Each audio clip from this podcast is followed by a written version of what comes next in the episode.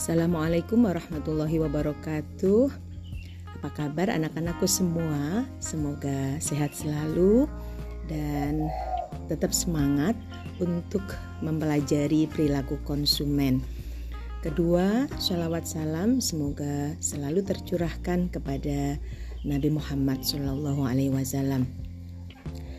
Alhamdulillah sudah dua bulan kelas ini uh, mempelajari mata kuliah perilaku konsumen dan sudah tujuh materi yang sudah kita pelajari pada tujuh minggu pertemuan yang telah kita lewati bersama.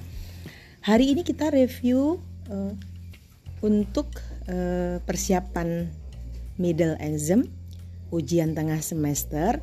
Kita review materi kuliah dari pertemuan pertama sampai dengan pertemuan ketujuh. Teman-teman, satu halaman muka PPT yang hampir ada di setiap pertemuan itu menjadi menjadi kerangka pikir dari mata kuliah ini.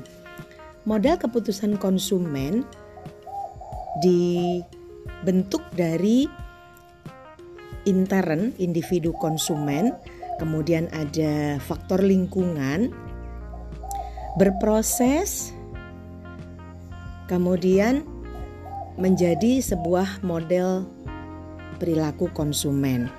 Yang itu menjadi langkah penting di dalam menyusun strategi pemasaran agar tujuan pemasaran tercapai. Modal yang telah dibentuk, yang telah kita buat, kemudian kita analisis eh, sehingga menghasilkan parameter-parameter yang itu dapat digunakan untuk menyusun strategi permasaran sebagai implikasi dari sebuah teori yang kita gunakan untuk uh, sebagai acuan kita gunakan untuk uh, menjadi acuan uh, di dalam membuat keputusan. Pada pertemuan Pertama, kita telah bahas model keputusan konsumen. Model keputusan konsumen dan kita awali dari bagaimana bagaimana siapa siapa siapa konsumen itu. Kemudian bagaimana model, bagaimana tipe karakter konsumen uh, di zaman milenial ini. Jadi berbeda di zaman dulu dengan sekarang bagaimana perilakunya. Nah, itu kita kita pelajari pada pertemuan pertama bagaimana konsumen muda, eh, bagaimana karakternya yang mengikuti tren kemudian tidak mengacu pada need lagi tetapi pada wants karena mengikuti tren gaya. Nah, itu pada pertemuan pertama, kemudian ada beberapa teori bagaimana perilaku konsumen itu, perspektif riset perilaku konsumen, ada bagaimana pengambilan keputusan, ada eksperimental, ada pengaruh behavioral dan sebagainya. Itu kita sudah uh, pelajarin pada pertemuan pertama. Kemudian pada pertemuan kedua kita pada pertemuan kedua kita telah belajar tentang motivasi dan kebutuhan. Apa sih sebetulnya yang menjadi motivasi bagi konsumen untuk memutuskan membeli sebuah barang dan jasa? Nah, itu kita pada pertemuan kedua kita udah bahas tentang motivasi dan uh, kebutuhan konsumen. Ada teori yang sangat menarik uh, sampai hari ini masih masih digunakan sebagai acuan untuk mengcapture bagaimana motivasi dan kebutuhan konsumen. Di dalam teori tersebut dibagi dengan beberapa hal, ada primary needs, ada secondary needs, ada tertiary needs. Jadi, kalau di negara maju, pangan sudah menjadi sudah bukan menjadi primary need lagi, ya, tetapi gaya hidup, kemudian apa aksesoris, makanan-makanan yang sudah uh, modern itu menjadi uh, menjadi kebutuhan primer uh, no uh, primernya. Sementara kalau di negara berkembang primary need adalah pangan pokok. Nah, negara berkembang masih membutuhkan pangan pokok sebagai primary need. Itu uh, kebutuhan yang dirasakan felt needs itu ada faktor pendorong, kemudian ada faktor manfaat. Jadi ada ada pendorongnya dari dalam psikologis, makan, minum. Kemudian kebutuhan untuk mempertahankan hidup. Di dalam uh, faktor manfaat ada unsur manfaat juga. Nah, kebutuhan uh, hedonik yang bersifat psikologis untuk memenuhi tuntutan sosial dan estetika. Jadi ada rasa puas, gengsi, emosi dan perasaan. Bukan pada need lagi, tapi pada faktor lain yang itu menjadi menjadi model uh, masuk di dalam bagaimana konsumen itu membuat keputusan. Di ada beberapa tujuan uh, untuk memenuhi kebutuhan konsumen. Uh, contoh iya ada beberapa iklannya nanti bisa diulang di materi pertemuan kedua. Kemudian pada pertemuan ketiga kita belajar tentang kepribadian dan gaya hidup. Hmm. Nah, ini sangat mempengaruhi di dalam konsumen mengambil keputusan bahwa kepribadian eh, dan gaya hidup menjadi pemicu uh, dominan di dalam konsumen membuat keputusan.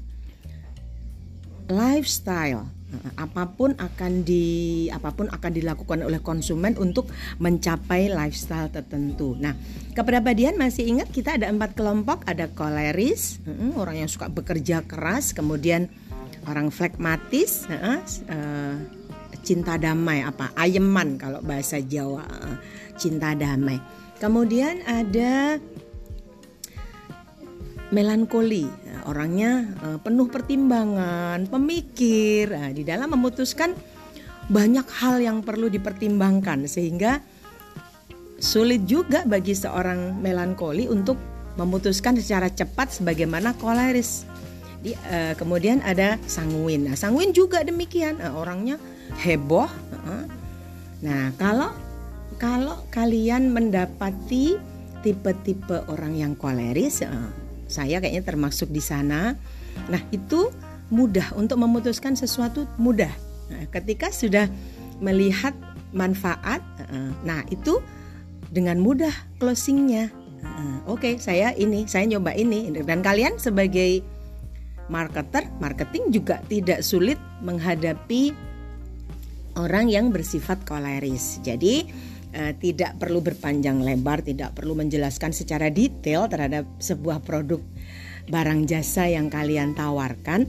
Namun seorang koleris akan mempelajari dengan mudah, akan mempelajari dengan cepat uh, sehingga kalian juga sangat efektif. Namun kalian harus memiliki pengetahuan yang banyak uh, terkait dengan produk dan jasa yang kalian tawarkan. Nah, kalau berhadapan dengan orang-orang yang tiga macam tuh yang melankoli kemudian yang sanguin kemudian yang flekmatis kalian akan ini harus pintar-pintar mengarahkan sehingga konsumen itu dari merasa tidak butuh eh, tidak need maka menjadi need.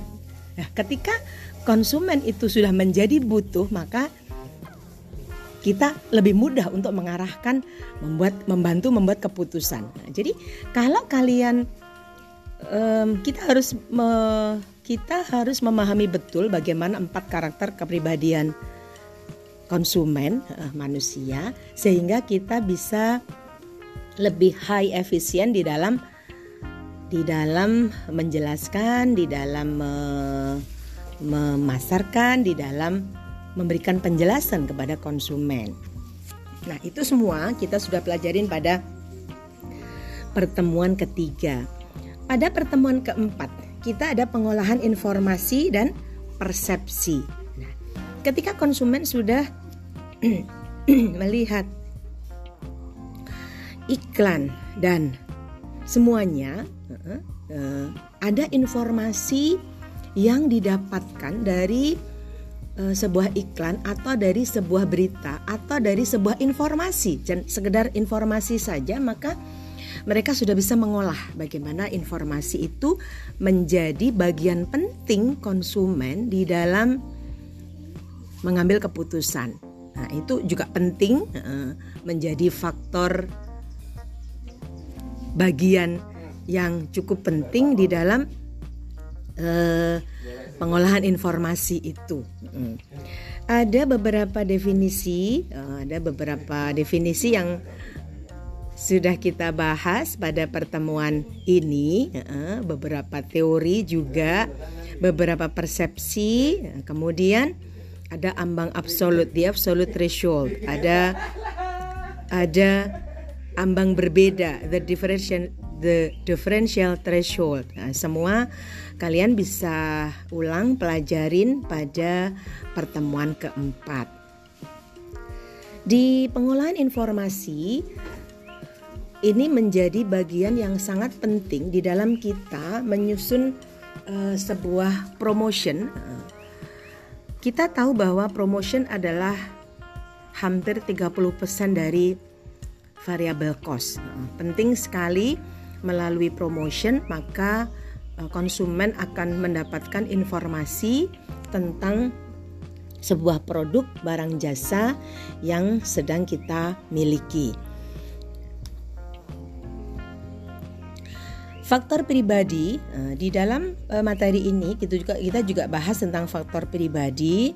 Nah, faktor pribadi itu menjadi juga eh, bagian yang penting di dalam konsumen mengambil keputusan. Ada juga faktor stimulus, masih ingat ada Daya tarik stimulus yang kita bisa ukur melalui empat indikator, ada ukuran size, kemudian warna, color, ada intensitas, intensity, dan ada kontras, ada uh, kontras. Empat hal itu bisa menjadi indikator kita untuk melihat bagaimana faktor informasi dan persepsi itu menjadi bagian penting menstimuli konsumen, menjadi stimulus konsumen di dalam pengolahan informasi dan persepsi terhadap sebuah barang jasa yang telah kita buat, yang telah kita uh, produksi, yang yang telah kita pasarkan.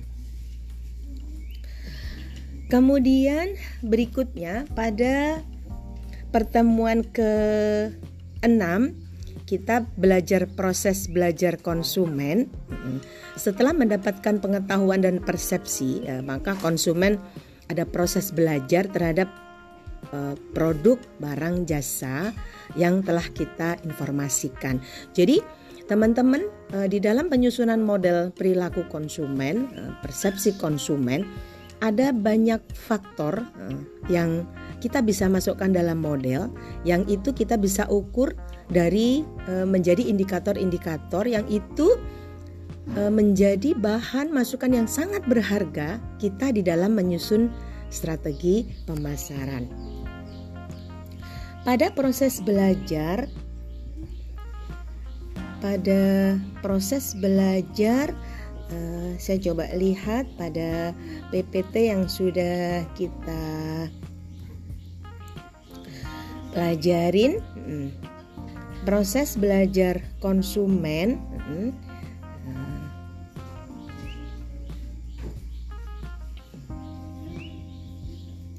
ada juga beberapa teori yang mendasari itu cognitive perception kemudian dari kognitif ada respon ada pendorong dan penguatan nah kemudian di dalam proses belajar kita punya dua kualifikasi. Yang pertama adalah proses belajar kognitif, cognitive approach. Kemudian yang kedua ada proses belajar perilaku, ada behavioral approach. Nah, dua hal itu yang bisa kalian pelajarin dengan sangat harus lebih baik pada materi ini. Sehingga pada akhir mata akhir pertemuan ini kita belajar tentang terminologi classical conditioning. itu semua uh, kalian bisa pelajarin pada pertemuan uh, keenam dengan proses belajar. Pada pertemuan ketujuh, kita belajar tentang pengetahuan konsumen. Pengetahuan konsumen, oke, masih dalam yang kita pelajari sebelum UTS adalah semua materi yang internal individu, ada internal konsumen. Uh, sebuah model perilaku konsumen yang dibentuk dari internal konsumen. Nah, di dalam sebuah model perilaku konsumen, uh, kita ingat tadi pertama kita udah bahas ada faktor internal, ada faktor eksternal. Jadi, faktor eksternal nanti kita bahas setelah UTS. Pada uh, pengetahuan, pada aspek pengetahuan. Jadi di di aspek internal konsumen kita masih punya tiga hal lagi. Jadi ada pengetahuan konsumen, kemudian ada sikap, yang terakhir adalah agama. Nah, ada tujuh ada tujuh faktor internal uh, dalam model perilaku konsumen. Oke, baik kita uh, mengacu pada kepribadian sudah, kemudian pengetahuan konsumen, oke. Okay Sebentar, saya coba ini pengetahuan konsumen. Pada mengapa penting eh, pengetahuan konsumen itu penting bagi marketing? Karena apa yang dibeli, eh, berapa banyak yang dibeli, di mana membeli dan kapan membeli itu akan tergantung pada pengetahuan konsumen. Jadi satu poin ini juga menjadi hal yang sangat penting di dalam penyusunan model perilaku konsumen. Uh, kita membiasakan diri bahwa setiap mempelajari materi uh, kita awali dari definisi. Uh, jadi ada beberapa definisi berkaitan dengan pengetahuan konsumen. Kemudian ada pengetahuan produk. Ada jenis pengetahuan, pengetahuan jenis pengetahuan sebagaimana pada PPT materi pengetahuan konsumen ada beberapa hal yang bagan ya, kalian bisa pelajarin. Ada tingkat pengetahuan produk. Jadi um, keputusan konsumen di dalam membeli sebuah produk adalah melewati proses yang cukup panjang. Apalagi ingat dari tiga kepribadian itu. Kalau kepribadiannya melankoli, flekmatis, sanguin, maka mereka akan butuh waktu lebih banyak untuk memikirkan sebelum memutuskan membeli. Nah, um, Bagaimana dengan kelas produk, bentuk produk, merek dan model fitur dan semuanya. Bahkan iklan sangat mempengaruhi konsumen di dalam mengambil keputusan. Nah, pengetahuan produk eh, juga ini jenis pengetahuan produk ada tingkat pengetahuan produk, kemudian atribut produk. Eh, kalian kita nanti juga bisa mengukur mengukur atribut produk Mm-hmm. Kita bisa ukur semua itu menjadi indikator-indikator apakah konsumen itu memutuskan kalau dilihat dari segi atribut produk apakah dari warna, apakah dari rasa, apakah dari harga, apakah dari teksturnya banyak hal yang di yang dipikirkan konsumen eh, sebelum memutuskan membeli sebuah produk. Nah, semua itu kalian bisa analisis dengan conjoint analisis dengan share pengeluaran misalnya. Oh, kalau kecenderungannya dari atribut value, nilai use, useful value misalnya terbesar adalah pada rasa. Oke, berarti konsumen itu memutuskan membeli produk itu based on dominan rasa. Nah, kita kita bisa mengukur itu semua. Pengetahuan manfaat produk. Oke, ada dua jenis manfaat. Eh, manfaat fungsional, manfaat psikososial. Jadi teman-teman, after lulus mata kuliah ini, di dalam menyusun model perilaku konsumen sudah tidak sudah lebih variatif ya teman-teman ya. Jadi tidak pada 4P, 7P, 11P, 17P. Oke, coba nanti kita kembangkan bagaimana pengaruh fungsional produk terhadap perilaku terhadap keputusan konsumen. Bagaimana pengaruh psikososial produk terhadap keputusan konsumen. Jadi tidak hanya oke ya, deal kita ya. Ada manfaat positif, ada manfaat negatif. Tentu yang menjadi pemicu, tentu yang menjadi pendorong konsumen di dalam memutuskan adalah tentu yang manfaat positif. Kemudian teman-teman kalau ada segmentasi pasar, segmentasi produk, there are also segmentasi manfaat. Manfaat produk Nah, dijadikan dasar untuk melakukan segmentasi pasar yang disebut dengan beneficial segmentation. Hmm. Konsumen dibagi dalam kelompok berdasarkan manfaat produk.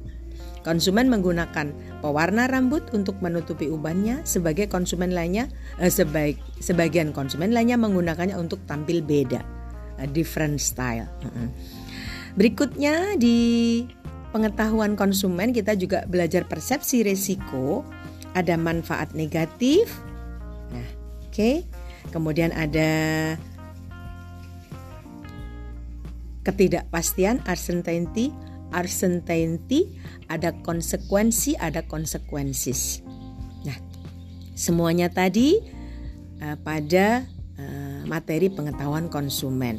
Kemudian pengetahuan pembelian dan selanjutnya adalah pengetahuan pemakaian.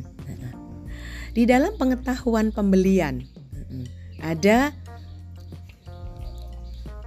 definisinya juga ada coba kalian uh, lihat itu pada PPT halaman 23 perilaku pembeli ada store product ada produk kontak ada transaction nah